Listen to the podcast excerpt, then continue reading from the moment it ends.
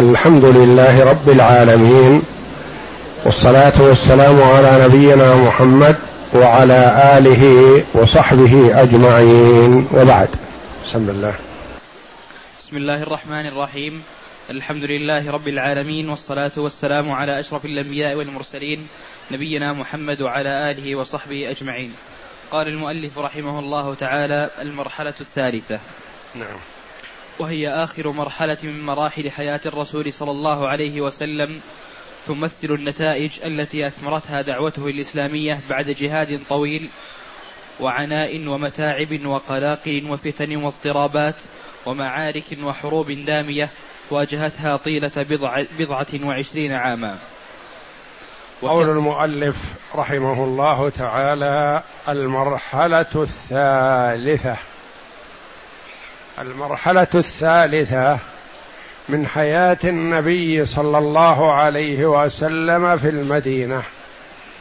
وقد عرفنا فيما سبق أن النبي صلى الله عليه وسلم مكث في مكة ثلاث عشرة سنة يدعو إلى توحيد الله جل وعلا وإلى إفراده بالعبادة والإيمان بالله وباليوم الآخر. ثلاث عشرة سنة ثم أذن الله جل وعلا له بالهجرة إلى المدينة. فهاجر إليها بعد تمام ثلاث عشرة سنة من بعثته عليه الصلاة والسلام. وهو بعث وهو ابن أربعين سنة عليه الصلاة والسلام. فلما وصل إلى المدينة كانت حياته في المدينة تختلف كثيرا عن حياته صلى الله عليه وسلم بمكة. مكة كان يدعو إلى التوحيد فقط. وليس له دولة عليه الصلاة والسلام ولا رياسه بل أصحابه مشردون مطردون مؤذون. وهو كذلك عليه الصلاة والسلام وخاصة بعدما مات عمه أبو طالب الذي كان يحميه ويدافع عنه تجرأ عليه سفهاء قريش. عليه الصلاة والسلام وآذوه أشد الأذى. هاجر إلى المدينة وقد التزم الأوس والخزرج رضي الله عنهم المسمون بالأنصار فيما بعد. اسم يجمعهم لأنهم أنصار رسول الله صلى الله عليه وسلم. وبايعوه على أن يمنعوه مما يمنعون منه مآزرهم عليه الصلاة والسلام ورضي الله عنهم. وقسم المؤلف رحمه الله تعالى حياة النبي صلى الله عليه وسلم في المدينة إلى ثلاث مراحل. كل مرحلة تختلف عن الأخرى. المرحلة الأولى من أول قدومه صلى الله عليه وسلم إلى المدينة إلى نهاية السنة السادسة من الهجرة وهي وقت صلح الحديبية. هذه مرحلة ولها شأن يختلف عن ما بعدها. ثم ما بعد صلح الحديبية من أول السنة السابعة إلى رمضان من السنة الثامنة فتح مكة. فتح الله لرسوله صلى الله عليه وسلم والمؤمنين مكة في رمضان في السنة الثامنة من الهجرة. هذه المرحلة الثانية. المرحلة الثالثة من فتح مكة إلى وفاته صلى الله عليه وسلم ولحوقه بالرفيق الأعلى. هذه ثلاث مراحل. المرحلة الأولى من أول هجرته إلى صلح الحديبية. المرحلة الثانية من صلح الحديبية إلى فتح مكة. المرحلة الثالثة من فتح مكة حتى لحق صلى الله عليه وسلم بربه. المرحلة الأولى تختلف عن المرحلتين الأخريين. المرحلة الأولى مرحلة حروب وفتن ومشاكل من الداخل ومن الخارج ومؤامرات ضده صلى الله عليه وسلم والمؤمنين وهكذا. من اليهود من المشركين من مشركي مكة من قبائل العرب من من حوله وممن بعد عنه. كانت حياة متعبة في ذات الله تبارك وتعالى. وصبر لها صلى الله عليه وسلم وصبر معه المؤمنون المهاجرون والأنصار رضي الله عنهم. المرحلة الثانية كانت أخف مرحلة الهدنة. اليهود قمعت شوكتهم ومنهم من قتل ومنهم من أجلي ومنهم من لا يزال له أثر سيء موجود. لكن شوكتهم قمعت. المشركون حصل معهم الصلح مع كفار قريش. وما بقي إلا من المشركين ممن حول المدينة. هؤلاء يخف وأهون من كفار قريش. لأن كفار قريش هم بأنفسهم أقوياء ويدعون الناس ويستجيبون لهم ويبذلون معهم الناس ما طلبوه لأنهم لهم الرياسة ولهم القيادة ولهم التمسك بالدين القديم دين الوثنية والشرك. الناس تبع لهم في في ما هم عليه لأنهم كانوا يزعمون أنهم على دين إبراهيم وهم بعيدون كل البعد عنه. وكان الناس يذعنون لهم فإذا طلبوا المدد من الناس أمدوهم إذا طلبوا المال أعطوهم إذا فرضوا عليهم شيء استجابوا له. ولما حصلت الهدنة مع كفار قريش استراح النبي صلى الله عليه وسلم من هذا العدو اللدود. عداوة كفار قريش ومن يستجيب لهم. وبدأ صلى الله عليه وسلم بعد هذا يكاتب الرؤساء والملوك منهم من يستجيب ومنهم من يكون جوابه حسن ولا يسلم ومنهم من يرسل الهدية للنبي صلى الله عليه وسلم دليل المسالمة وأنه لن يحارب وبث رسول الله صلى الله عليه وسلم رسله إلى الملوك والرؤساء في أطراف الجزيرة العربية وما حولها إلى الروم وإلى الفرس وإلى هرقل وإلى ملوك الحبشة وملوك اليمن وملوك مصر. وأرسل الرسل صلى الله عليه وسلم وكان فيه حروب وفتن لكنها أقل بكثير من المرحلة الأولى. وصار الناس يأمنون في انتقالاتهم وذهابهم وإيابهم لأن الرسول صلى الله عليه وسلم تصالح مع كفار قريش على أن تضع الحرب أوزارها عشر سنين. يعني كان النية فيما بينهم على أن الحرب تضع أوزارها من اواخر عام ستة من أول عام سبعة إلى سبعة عشر. عشر سنين. وقيل لمن حول مكة والمدينة من أراد أن يدخل مع قريش دخل. ومن أراد أن يدخل مع محمد صلى الله عليه وسلم دخل. فمن القبائل من دخلت مع النبي صلى الله عليه وسلم كخزاعة. ومن القبائل من دخلت مع قريش كبني بكر.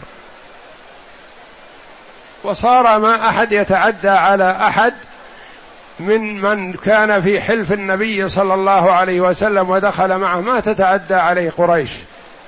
والنبي صلى الله عليه وسلم ما ينال ممن دخل مع مع قريش. وهكذا إلا أن الله جل وعلا أراد لرسوله فتح مكة. وهيأ لذلك اسبابا مع أن الحرب أعلن وضع أوزارها إلى عشر سنين إلى سبع عشرة سنة من الهجرة. والرسول صلى الله عليه وسلم توفي في أول العام الحادي عشر. فهيأ الله جل وعلا لرسوله فتح مكة وذلك أن قريش أعانت بني بكر على خزاعة. وبنو بكر وخزاعة يتحاربون ليل نهار لا يهمنا.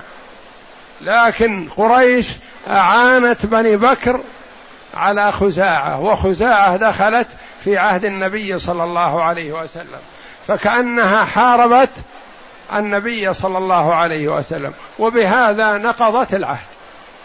ما نقضه صلى الله عليه وسلم فهو أوفى الناس بإتمام العهود والمواثيق ويحث على ذلك عليه الصلاة والسلام. لكن الله جل وعلا هيأ أن قريش أعانت حلفاءها. بني بكر على من؟ لو عانأتهم على آخرين لا يهمنا لكنها عانتهم على خزاعة. وخزاعة دخلت في حلف النبي صلى الله عليه وسلم. فكأنها حاربت النبي صلى الله عليه وسلم وبهذا تكون هي نقضت العهد. فهيأ الله جل وعلا لرسوله صلى الله عليه وسلم فتح مكة في على أهون الأسباب وأيسرها ولله الحمد. ولما علم صلى الله عليه وسلم بنقض قريش العهد تجهز. لماذا؟ لحرب قريش وقتالهم في عقد دارهم لأنهم هم خانوا وهم أخلفوا وهم نقضوا العهد. وقال عليه الصلاة والسلام اللهم خذ العيون والأخبار عنهم. ما يدرون عنا حتى نباغتهم لأنهم عندهم قوة وصلابة. ولو علموا عن النبي صلى الله عليه وسلم أنه أراد أن يبادلهم أن لا يتم لهم عهد لأنهم نقضوه لربما تجهزوا وقابلوا النبي صلى الله عليه وسلم في الطريق. لكن الله جل وعلا بجوده وكرمه أعمى كفار قريش ورسلهم ومخبريهم عن أن يطلعوا على مسير محمد صلى الله عليه وسلم. وليظهر جل وعلا كمال قدرته وإرادته في إخفاء الأمر مهما حرص الحارصون على إظهاره من الصحابة رضي الله عنهم وممن شهد بدر. أرسل لكفار قريش بأن الرسول صلى الله عليه وسلم سيتوجه إليكم. وذهب به امرأة استأجرها هذا وأرسل معه هذا الخطاب. ممن شهد بدر ومن الصحابة رضي الله عنهم. لكن لحكمة يريدها الله. فجاء الخبر من السماء بأن المرأة في المكان الفلاني معها خطاب من حاطب ابن أبي بلتعة إلى كفار قريش يخبرهم بتوجه الرسول صلى الله عليه وسلم. فأرسل صلى الله عليه وسلم اثنين من الصحابة رضي الله عنهم. تجدون امرأة في ذلك المكان في تلك الروضة معها خطاب إلى كفار قريش فأتوني بالخطاب. والمرأة لا يهمنا سرحوها.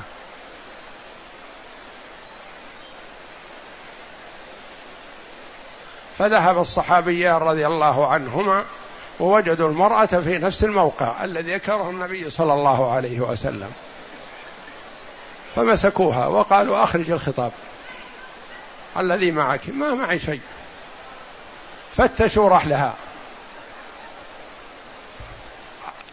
ما معها من رحل فتشوه ما وجدوا شيء. أخرج الخطاب ما معي خطاب وما معي شيء. فتشوا كل مكان ما لجدوه. قال علي رضي الله عنه والله ما كذبنا ولا كذبنا. ما نحن كذبة ولا كذب علينا رسول الله صلى الله عليه وسلم. والله لتخرجن الخطاب ولا لنجردنك. يمكنها لابسته في فرجها. تخرجين الخطاب وإلا والله لنجردنك. فلما رأت الجد قالت ابعدا فابعدوا عنها وأخرجت الخطاب قد لفت عليه رأسها.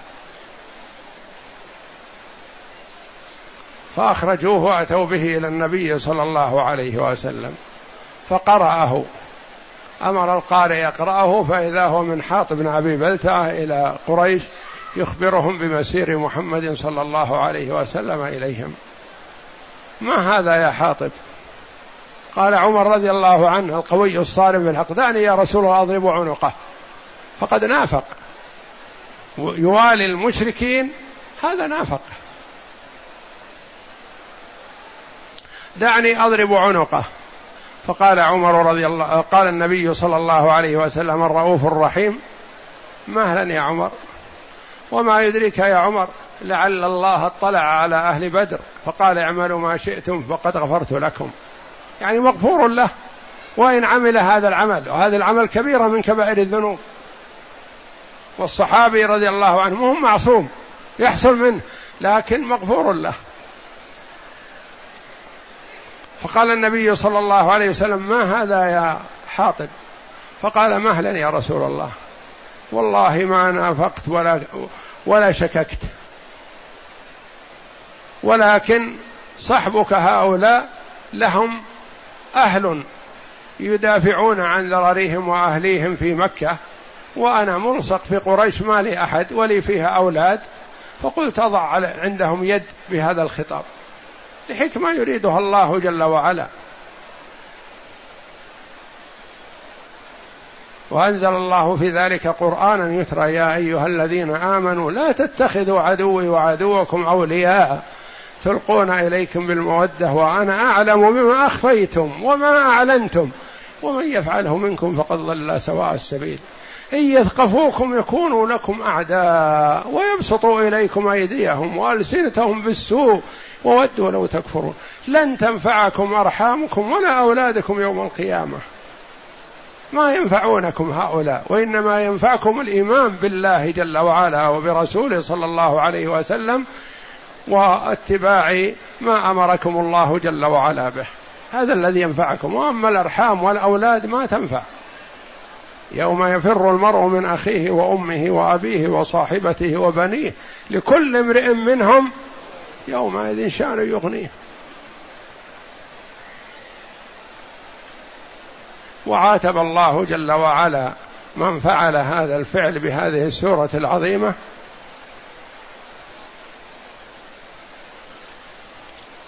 وأعمى الله جل وعلا العيون والأخبار عن كفار قريش فما علموا إلا ليلة ما كان الرسول سيصبحهم في الصباح.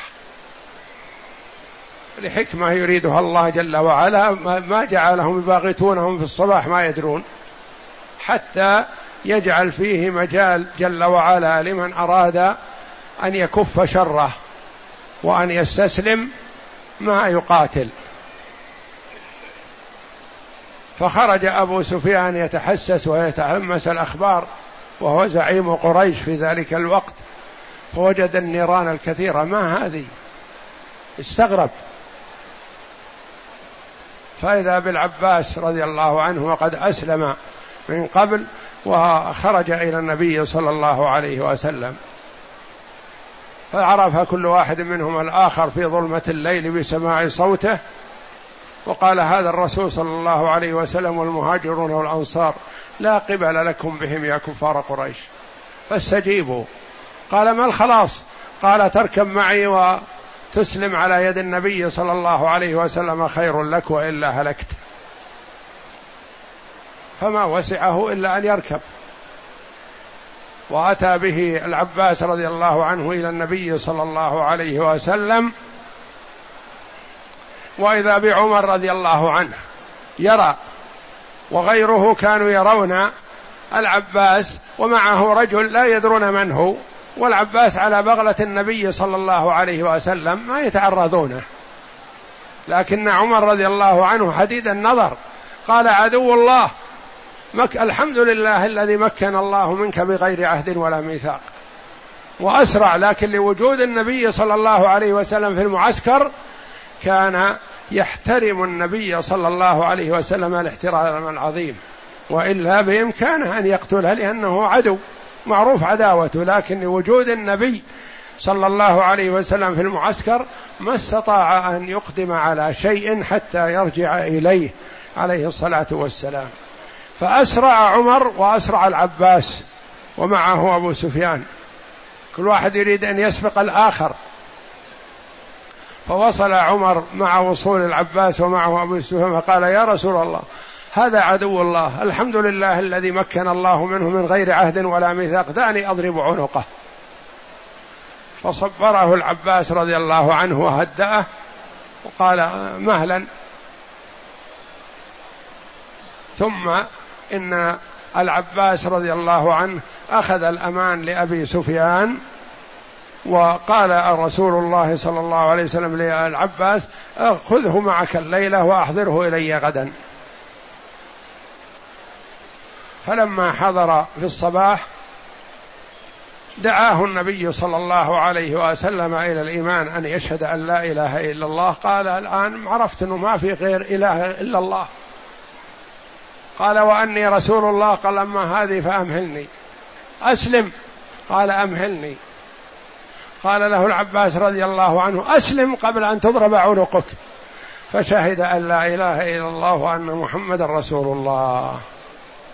ودخل رسول الله صلى الله عليه وسلم مكة مستعدا للقتال لكنه ما حصل والحمد لله قتال. إلا مناوشات قليلة. فقال العباس للنبي صلى الله عليه وسلم يا رسول الله هذا أبو سفيان الآن أسلم. الآن أصبح واحد منا. لكن تعرف أبو سفيان رجل يحب الفخر. اجعل له شيء.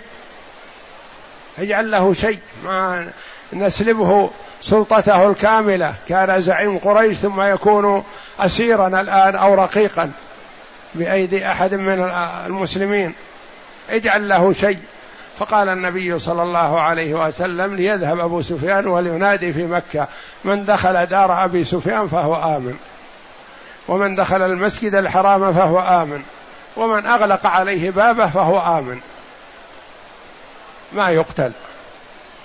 وإلا الأمان النهائي بعد دخول النبي صلى الله عليه وسلم مكة. فذهب مسرعا إلى قومه قريش ينادي فيهم من دخل دار هذا محمد لا قبل لكم به. ومن دخل دار أبي سفيان فهو آمن. قالوا أخزاك الله ماذا تغني عنا دارك. ما تنفع. قال ومن دخل المسجد الحرام فهو آمن ومن أغلق عليه بابه فهو آمن. يعني ما خرج لقتال. فالكثير منهم التزموا هذا. منهم من دخل دار أبي سفيان ومنهم من دخل المسجد الحرام ومنهم من أغلق عليه بابه. ومنهم قلة خرجوا معهم سلاحهم يريدون مقاتلة النبي صلى الله عليه وسلم لكنه منصور من الله جل وعلا. فمن ناوشهم أناموه قتلوه في مكانه لأنه هو الذي عرض نفسه. وإلا لو لزم داره المسجد الحرام أو دار أبي سفيان ما تعرض له أحد. ودخل رسول الله صلى الله عليه وسلم مكة فاتحا منصورا بلا حرب والحمد لله. ثم إنه خطب كفار قريش بعدما اطمأن في مكة وصلى في المسجد الحرام وصلى داخل الكعبة وخرج إليهم مخاطبا. وقد تجمعوا كل من كان في داره أو كان في غير داره جاءوا ينتظرون ماذا سيصنع محمد عليه الصلاة والسلام.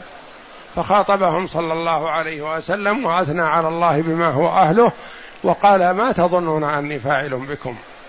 أنا صاحبكم الذي طردتموني وآذيتموني أشد الأذى. وأنتم الآن في القبضة. قالوا أخ كريم وابن أخ كريم. يعني ما جربنا عليك إلا الكرم والطيب. فأنت طيب من طيبين. فقال عليه الصلاة والسلام اذهبوا فأنتم الطلقاء.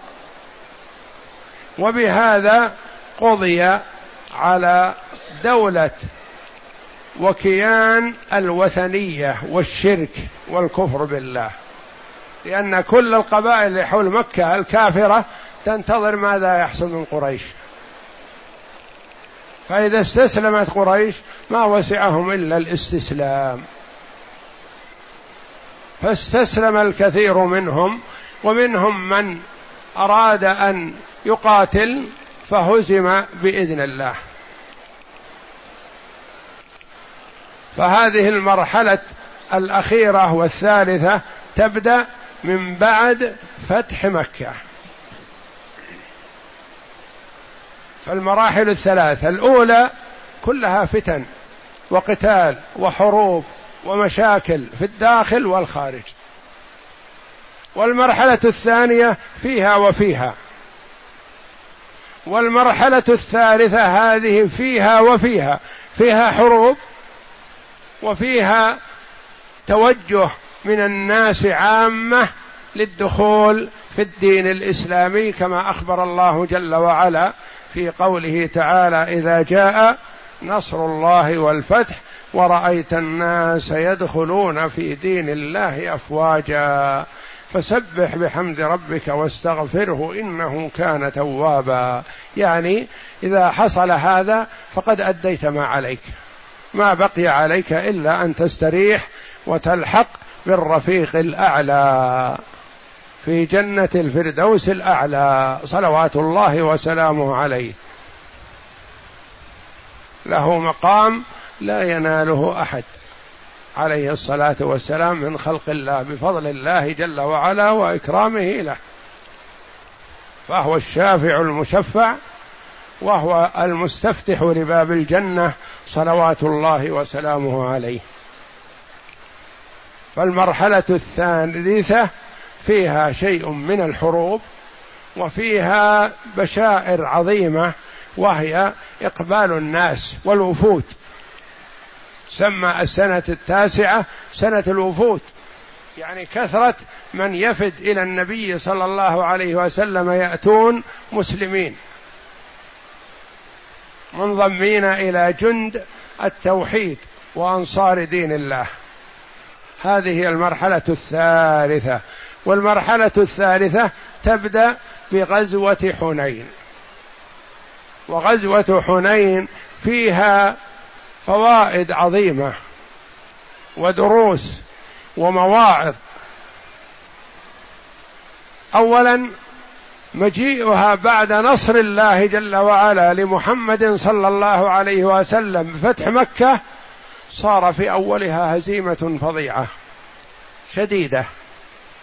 وذلك أن بعض المسلمين قال لن نهزم اليوم من قله ما اجتمع جيش إسلامي من بعثة الرسول صلى الله عليه وسلم إلى إليها أكثر منها. جند اثنا عشر ألف. اثنا عشر ألف مقاتل خرجوا مع النبي صلى الله عليه وسلم من مكة إلى حنين. وحنين فيها قبائل من قبائل العرب مجتمع فيها أناس. رأوا أن استسلام قريش واذعانهم ما يعجبهم وأن عندهم من القوة والمنعة ما يستطيعون أن يقفوا به في وجه محمد صلى الله عليه وسلم وصحبه. فقالوا لن نستسلم. وتناصروا وتداعوا وتجمعوا لمحاربة النبي صلى الله عليه وسلم وكانوا يفكرون في التوجه إليه في مكة. يقاتلونه في مكة. فالنبي صلى الله عليه وسلم علم عن هذا وعد جيشه عليه الصلاة والسلام وتوجه إليهم في مناطقهم والتقوا بين مكة والطائف في حنين. كما سيأتينا إن شاء الله. نعم اقرأ. وكان فتح مكة هو أخطر كسب حصل عليه المسلمون في هذه الأعوام. تغير لأجله مجرى الأيام وتحول به جو العرب. فقد كان الفتح حدا فاصلا بين المدة السابقة عليه وما بعده. فإن قريشا كانت في نظر العرب حماة الدين وأنصاره. حماة الدين يعني الدين الوثنية لأنهم كانوا يزعمون أنهم على دين إبراهيم وليس كذلك بل هم على الوثنية والشرك. ما كان إبراهيم يهوديا ولا نصرانيا ولكن كان حنيفا مسلما وما كان من المشركين. فإن قريشا كانت في نظر العرب حماة الدين وأنصاره والعرب في ذلك تبع لهم فخضوع قريش يعتبر القضاء الأخير على الدين الوثني في جزيرة العرب. ويمكن أن نرحله إلى صفحتين. صفحة المرحلة اللي بعد فتح مكة إلى أن لحق النبي صلى الله عليه وسلم بربه. نعم. أولا صفحة المجاهدة والقتال. يعني هذه الأيام من فتح مكة حتى لحق النبي صلى الله عليه وسلم. فيها مجاهدة فيها قتال فيها غزوات وفيها استسلام وتوجه ووفود على النبي صلى الله عليه وسلم مبايعين على الإسلام والإيمان بالله. ثانيا صفحة تسابق الشعوب والقبائل إلى اعتناق الإسلام. وهاتان الصفحتان متلاصقتان تناوبتا في هذه المرحلة ووقعت كل واحدة منهما خلال الأخرى. يعني ما تميزت واحدة عن الأخرى. ما كانت الأشهر الأولى شهر قتال والأخيرة شهر آه، مصالحة ولا كان العكس وإنما يكون فيه قتال وفيه وفود فيه وفود مسلمة وفيه قتال للكافرة الممتنعة عن الإسلام نعم. إلا أن اخترنا في الترتيب الوضعي أن نأتي على ذكر كل من الصفحتين متميزة عن الأخرى ونظرا إلى أن صفحة القتال ألصق بما مضى وأكثر مناسبة من الأخرى قدمناها في الترتيب. نعم. غزوة حنين. غزوة حنين. تقدم لنا أن الغزوة هي التي يكون قائدها النبي صلى الله عليه وسلم هذا غالبا. والسرية هي التي يبعثها النبي صلى الله عليه وسلم ويؤمر عليهم أحد الصحابة رضي الله عنهم أجمعين. فإذا قال غزوة حنين لأن كان النبي صلى الله عليه وسلم فيها مثل غزوة بدر الكبرى غزوة أحد غزوة الأحزاب كلها يكون القائد فيها النبي صلى الله عليه وسلم. نعم. إن فتح مكة جاء عقب ضربة خاطفة شهد لها العرب وبوغتت القبائل المجاورة بالأمر الواقع الذي لم ما كانوا يتوقعون ولا يخطر على بالهم أن قريش تذعن وتستسلم للنبي صلى الله عليه وسلم لأنه بالأمس ذهب طريدا شريدا مختفيا عنهم يخاف منهم عليه الصلاة والسلام. ثم يأتي فاتحا منصورا بإذن الله وتذعن له فما كانت قبائل العرب ثقيف وما هوازن وما حولها يخطر على باله أن قريش تستسلم لمحمد صلى الله عليه وسلم. ما كان يخطر على بالهم هذا فكان مفاجأة غريبة. ما كانوا يتوقعونها. نعم. وبوغتت القبائل المجاورة بالأمر الواقع الذي لم يكن لها أن تدفعه ولذلك لم تمتنع عن الاستسلام عن الاستسلام إلا بعض القبائل الشرسة القوية المتغطرسة. وفي مقدمتها بطون هوازن وثقيف واجتمعت إليها نصر وجشم وسعد بن بكر وناس من بني هلال وكلها من قيس عيلان. رأت هذه البطون من نفسها عزا وأنفة أن تقابل هذا الانتصار بالخضوع. يعني قالوا لو أذعنت قريش ما نذعن نحن. لو استسلمت قريش ما نستسلم. نعم. فاجتمعت إلى مالك بن عوف النصرة وقررت المسير إلى حرب المسلمين. يعني هم فيهم قادة كثر ولكل قبيلة فخذ قائد. لكن كان هذا أقواهم وأشرسهم. مالك ابن عوف من هوازن. نعم. ولما أجمع القائد العام مالك بن عوف المسير إلى حرب المسلمين ساق معه الناس أموالهم ونساءهم وأبناءهم فسار حتى نزل بأوطاس وهو كانوا يريدون السير لحرب المسلمين. ما كانوا ينتظرون حتى يأتيه من بالطائف وإنما كانوا يريدون أن يتوجهوا إليه في مكة ليقاتلوه. نعم. فسار حتى نزل بأوطاس وهو واد في ساق مع الناس أموالهم ونساءهم وأبنائهم. قال كل واحد يأخذ كل ما يملك.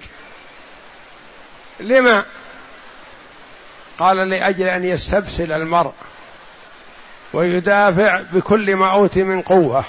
ما دام ماله ولده ونساؤه بناته كلهم معه يدافع ما يتوقف. وهذا رأي خاطئ.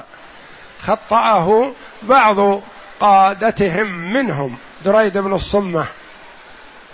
نعم. فسار حتى فسار حتى نزل بأوطاس وهو واد في دار هوازن بالقرب من حنين لكن في وادي أوطاس غير وادي حنين وحنين واد إلى جنب ذي المجاز بينه وبين مكة بضعة عشر ميلا من جهة عرفات.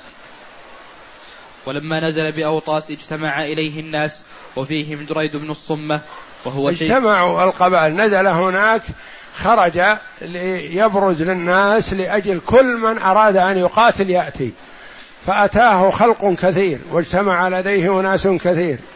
منهم من يقاتل ومنهم من يريد أن يبدي رأي. له رأي في الحرب كدريد بن الصمة. ما كان به وحده للقتال لأنه شايب كبير. ولا يستطيع أن ولا ينظر ولا. وإنما رأيه معه وفكره معه. وخرج مع قومه ليبدي رأيه ليظن أنهم كانوا يسمعون منه ويطيعون لأن له شهرة وله معرفة وله تجريب ومجرب في الحروب. وله رأي.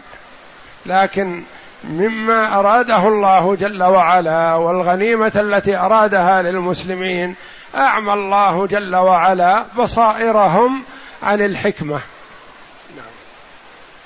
وفيهم دريد بن الصمة وهو شيخ كبير ليس فيه إلا رأيه ومعرفته بالحرب وكان شجاعا مجربا. قال دريد بأي واد أنتم قالوا بأوطاس؟ جاء مع قومه وهو لا يرى ولا يبصر ما يدري في أي مكان.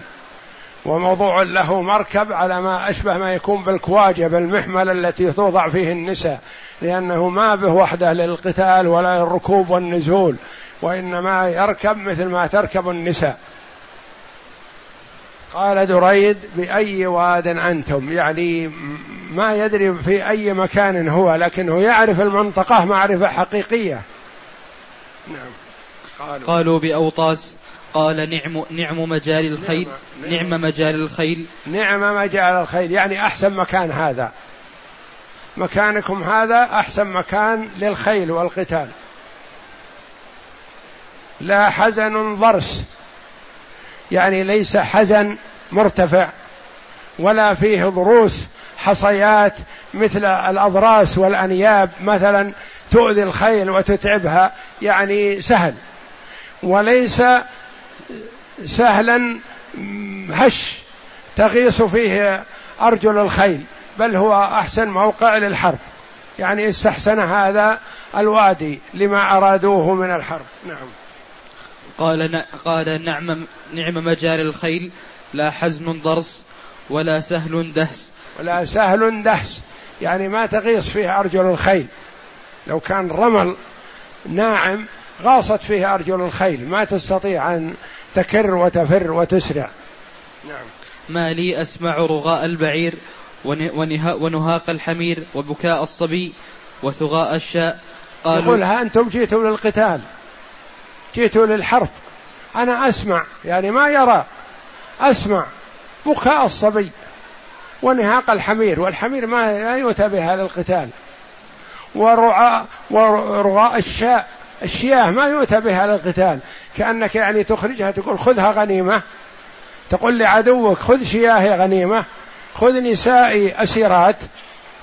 لما لما هذا؟ ها يعني ما أسمعه بأذني ما يناسب أن يكون يحضر في هذا الموطن لأن الموطن الآن موطن حرب وموطن قتال. ما هو محفل يخرجون لأن يسروا ويفرحوا بهذا. لا موطن قتال. يستولى عليهم ويقتلون. والشياه والبعارين تؤخذ غنيمة والنساء تؤخذ أسيرات. ورقيقات. لما؟ مالي نعم مالي أسمع. قال ما لي أسمع رغاء البعير ونهاق الحمير وبكاء الصبي وثغاء الشاء. قالوا ساق مالك بن عوف مع الناس نساءهم وأموالهم وأبناءهم. فدعا مالك مالك بن عوف هذا هو القائد. قائدهم. نعم. فدعا مالك قال أعطونا إياه. هاتوه. وإن كان قائد فنعترض عليه لأن هذا مجرب ومعروف رأيه لكن ما أطيع من حكمة الله جل وعلا إنه ما يطاع. و... فدعا مالكا وسأله. فدعا مالكا وسأله عما حمله على ذلك فقال أردت أن أجعل خلف كل رجل أهله وماله ليقاتل عنهم. فقال راعي ضأن والله راعي راعي ضأن والله. يقول راعي يقول ما أنت بقائد. فعلك هذا ما هو فعل حكمة. يعني يعتد برأيه وبقوته. يوم حينما قال له هذه المقالة قال إيه راعي وغنم والله راعي ضأن والله. ما أنت بقائد. لكن من عدم الرجال أصبحت رجل. من عدم القادة والخيار أصبحت خير. ولا ما يصلح أن تسلم القيادة وهذا رأيك. راعي ضأن والله يقل حتى ولا راعي إبل. يعني سنزلة لأن راعي الإبل أقوى شخصية وعزيمة وجرأة من راعي الغنم. الراعي ضأن أنت ما تبراعي قيادة أمة. نعم. فقال راعي ضأن والله وهل يرد المنهزم شيئا؟ وهل يرد المنهزم وهل يرد المنهزم شيء؟ شيء ترى مرفوعة ما تناسب فيها النصب. نعم. يقول ما يرد شيء المنهزم لأن هزم هج خلى أهله ماله ولده يربى بنفسه ويسلم كأنه يسلم أهله للعدو ويهرد ويشرد ويتركهم. ما هذا رأي؟ نعم. إنها إن كانت لك لم ينفعك إلا رجل بسيفه ورمحه وإن كانت عليك إن كانت لك والنصر معك ما ينفعك إلا الرجل بسيفه ورمحه فقط. النساء والأطفال ما ينفعونك حتى لو حصل لك نصر. وإن حصلت الهزيمة صارت الفضيحة. بدل ما يهزم الرجال ويشردون أو يقتلون أو كذا أو كذا تسبى النساء والذرية ويصيرون موالي وأرقة. وهذه فضيحة وعار إلى يوم القيامة. ما هذا رأي؟ نعم وأشار عليه بالرأي لكنه ما أطاع. نعم. وإن كانت عليك؟ وإن كانت عليك فضحت في أهلك ومالك ثم سأل عن بعض البطون والرؤساء ثم قال يا مالك إنك لم تصنع. سأل عن بعض البطون والرؤساء ليخبرهم يعرف عنهم شيء. أين كذا؟ قالوا ما جاء منهم أحد. قال إيه أولئك يعرفون. ما يسلمون القيادة لمثل مالك بن الحارث ذا تخلفوا لأن القائد غير كفء فتفرس بأن القيادة ليست حكيمة ولا مرشدة. وسأل عن بعض بطون القبائل ما وجد منهم أحد. يريد أن مثلا يقول لهم قولوا لصاحبكم. امنعوا صاحبكم من هذا الرأي لكن ما وجد من أهل الرأي أحد إلا القليل. نعم. ثم قال يا مالك إنك لم تصنع بتقديم بيضة هوازن إلى نحور الخير شيئا. يقول ما صنعت شيء سلمت بيضة هوازن يعني نساءهم وأموالهم وبهائمهم. سلمتها لمن؟ لعدوهم. أخرجتها لهم. نعم. ارفع ارفعهم إلى ممتنع بلادهم وعلياء قومهم ثم ألق الصبات على متون الخيل. فإن كانت فإن كانت لك لحق بك من وراءك وإن كانت عليك ألفا كذلك وقد أحرزت أهلك ومالك. وقال ارفعهم أبعدهم عنك اجعلهم في مكان ما تصلهم الخيل. ارفعهم في مكان بعيد. إن كان لك النصر أمكانك أن تأخذهم وتستلحقهم. وإن كانت لك الهزيمة فيكفي هزيمتك وأهلك في منع عن القتال ومنع عن الولاية وعن السبي والقتل. نعم. ولكن مالكا القائد العام رفض هذا الطلب قائلا والله لا أفعل إنك قد كبرت وكبر عقلك والله لتطيعني هوازن أو لاتكئن على هذا السيف حتى يخرج من ظهري. وكره أن يكون لدريد فيها ذكر أو رأي فقالوا أطعناك. قال له مالك رأي يعني رد على دريد بن الصمة صاحب الرأي قال لا أنت كبرت وشخت. وشاخ عقلك يعني عقلك تخرف والصواب معه لكن لحكمة يريدها الله. الصواب مع دريد بن الصمة في هذا. وقال افعل ما آمرك به فأبى وقال والله لا أفعل. يعني ما أطيعك في هذا وما أحب أن يكون معه آخر بالرأي. أحب أن يكون هو الصاحب المنفرد بالرأي والقول. وتحدى قومه. قال أنتم بين أمرين أما تطيعوني وإلا أضع السيف هذا وأتكي عليه في صدري حتى يخرج من ظهري. يعني اقتل نفسي. يقتل نفسه حقدا حيث أن قومه أنكروا قيادته ورفضوه. فقالوا نحن معك. أخذتهم العزة بالإثم. نعم. فقالوا أطعناك. فقال دريد هذا يوم لم أشهده ولم يفتني ولم يفتني. يقول ما لم أشهده يعني ما كان لي رأي فيه وفكر ويؤخذ مني وأنا ما غبت عنه. ابتليت بحضوره. يعني كأنه يقول ليتني ما حضرت. حضرت ولم يقبل لي فيه رأي. نعم. فقال دريد هذا يوم لم أشهده ولم يفتني. يا ليتني فيها جذع. جذع. جذع. جذع شباب نشيط. نعم هو خرف الحين شايب كبير. نعم. يا ليتني فيها جذع أخب فيها وأضع. يعني أكر وأفر وأقاتل. الحين ما أستطيع عمل شيء. أقود وطفاء الدمع كأنها شاة, شاة صدع. وجاءت إلى مالك. عيون كانت سلاح سلاح استكشاف. سلاح استكشاف العدو. أرسل مالك من يستكشف له الخبر عن النبي صلى الله عليه وسلم وين وصل. هو جاء ولا ما جاء؟ نعم. وجاءت إلى مالك. عيون كان قد بعثهم للاستكشاف عن المسلمين. جاءت هذه العيون وقد تفرقت أوصالهم. يعني تروعوا. رأوا شيئا مهولا يروعهم. نعم. قال ويلكم ما شأنكم. قالوا رأينا رجالا بيضا على خيل بلق. والله ما تماسكنا أن أصابنا ما ترى. تقول انهبلنا وذهبت عقولنا لما رأينا من هذه الخيل. رأينا رجالا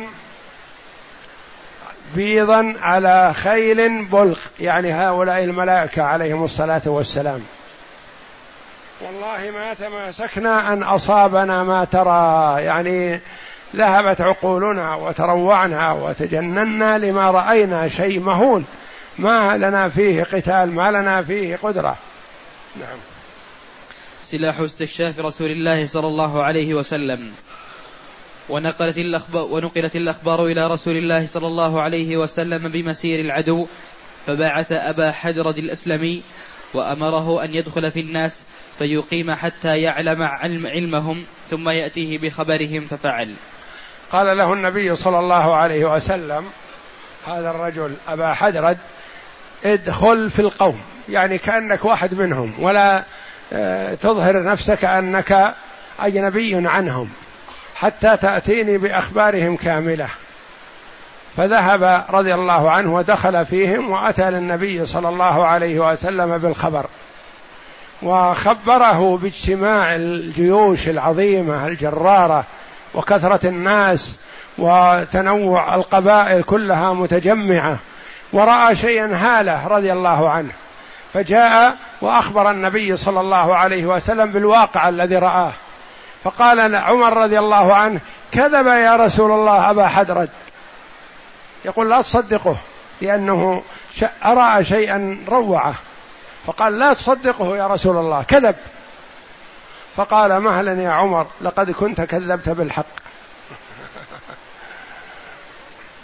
يقول ما تكذيبك هذا؟ ما هو لي خاصة أنا. أنا رأي شيء بعيني وأخبرت فيه النبي صلى الله عليه وسلم. فأنت تكذبني الآن وقد كذبت بالحق. فغضب عمر رضي الله عنه. وقال اسمع يا رسول الله ما يقول أبا حدرة يقول إني كذب بالحق. قال عليه الصلاة والسلام نعم. لقد كذبت بالحق أول ما جئتك به. وهذا قصد أبا حدرد رضي الله عنه. يقول يا عمر أنت تسرع في التكذيب. كذب حتى كذبت الرسول عليه الصلاة والسلام أول ما جاء. وكان إسلام عمر رضي الله عنه أول ما أسلم آخذ سيفه يريد قتل النبي صلى الله عليه وسلم. فيقول ما يستغرب يعني تكذبك إياي أنا بسيط. لقد كذبت بالحق. فغضب عمر رضي الله عنه لأنه جرحه جرحا شديد. لكن النبي صلى الله عليه وسلم لطف الوضع. قال نعم كذبت أول ما دعيت إلى الإسلام. أما كذبت كذب. فيقول لأنه استغرب هذا لأنه عين للرسول صلى الله عليه وسلم وأخبر الرسول صلى الله عليه وسلم بما رأى. ما حب أن يزيد ولا ينقص. ولا يلطف الموضوع وهو فاحش. ولا يفحش الموضوع ويهوله وهو سهل فهو أخبر الرسول عليه الصلاة والسلام بما رأى. ورأى أنه رأى شيء عظيم ورأى جيوش هائلة. فيريد من النبي صلى الله عليه وسلم أن يستعد لهذا الأمر. ما يصلح أن يقول ما أمامك إلا شرذمة من الناس قليلة. فيأتي إليهم النبي صلى الله عليه وسلم وقد تجمعوا وتكاثروا فينهزمون. قال لا أخبره بما رأى. لكن عمر رضي الله عنه محبته للقتال في سبيل الله وإقدام النبي صلى الله عليه وسلم على القتال وأن لا يتأخر قال كذب يا رسول الله. ما ما هو صحيح كلامه هذا.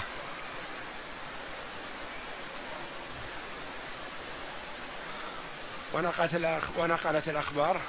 ونقلت الأخبار إلى رسول الله صلى الله عليه وسلم بمسير العدو فبعث أبا حدرد الأسلمي وأمره أن يدخل في الناس فيقيم, فيقيم حتى يعلم علمهم ثم يأتيه بخبرهم ففعل. ففعل رضي الله عنه. الرسول صلى الله عليه وسلم يغادر مكة إلى حنين الدرس القادم إن شاء الله. والله أعلم وصلى الله وسلم وبارك على عبده ورسول نبينا محمد وعلى آله وصحبه أجمعين.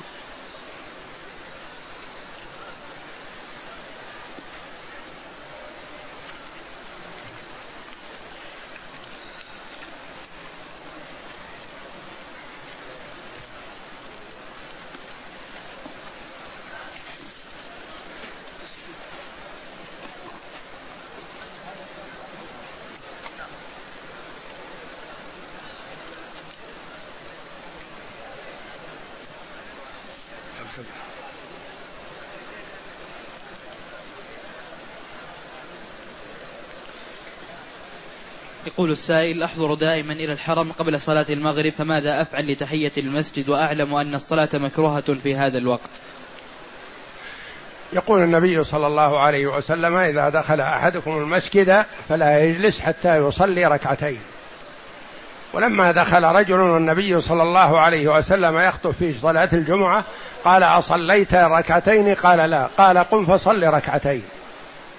فالأولى لداخل المسجد في أي وقت من الأوقات ألا يجلس حتى يصلي ركعتين تحية المسجد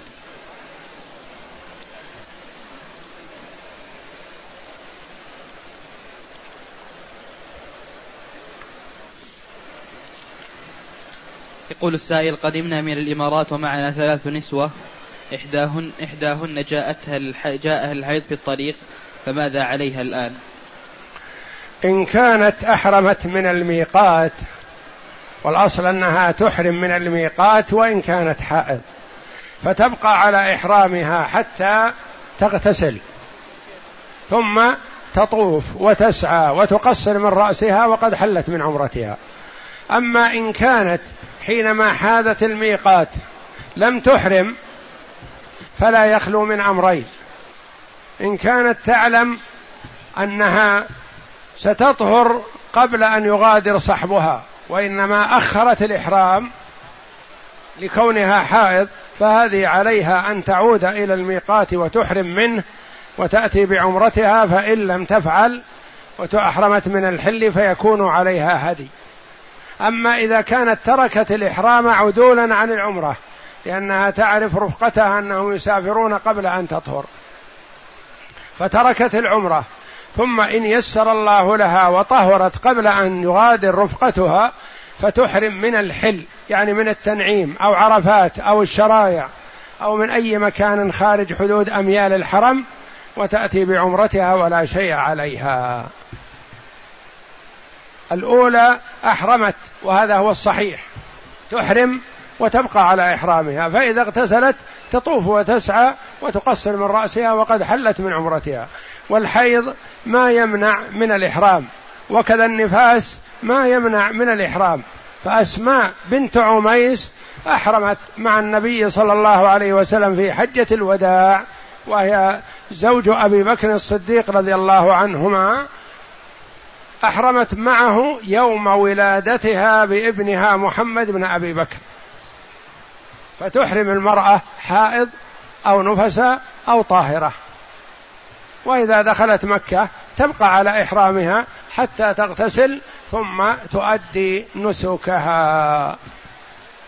فإن كانت تلك هذه السائلة لم تحرم وطهرت قبل مغادرة رفقتها وهي دخلت بنية العمرة فعليها أن ترجع إلى الميقات وتحرم منه.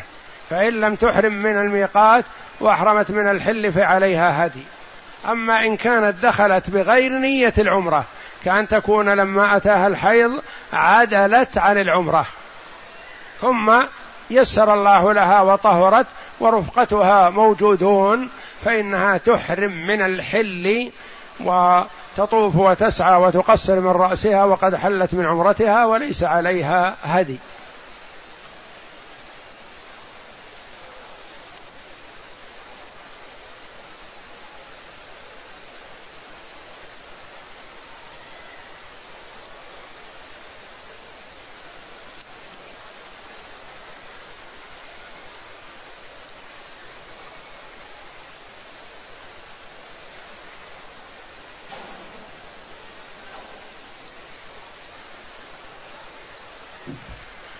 يسأل عن الاغتسال بالماء المقري به شيء من القرآن بالرقية الشرعية في دورة المياه.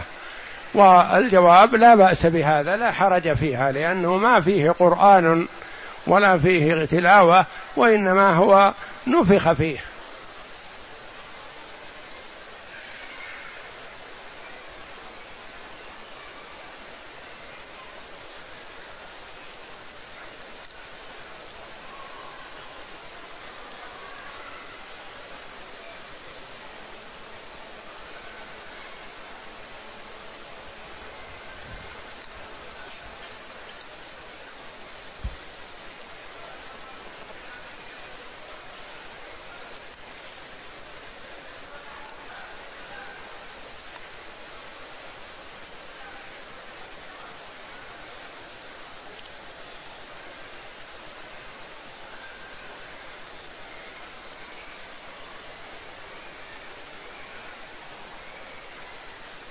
يقول زنيت وأنا شاب ولم أتزوج فهل أقع تحت عقوبة الرجم أم عقوبة الجلد؟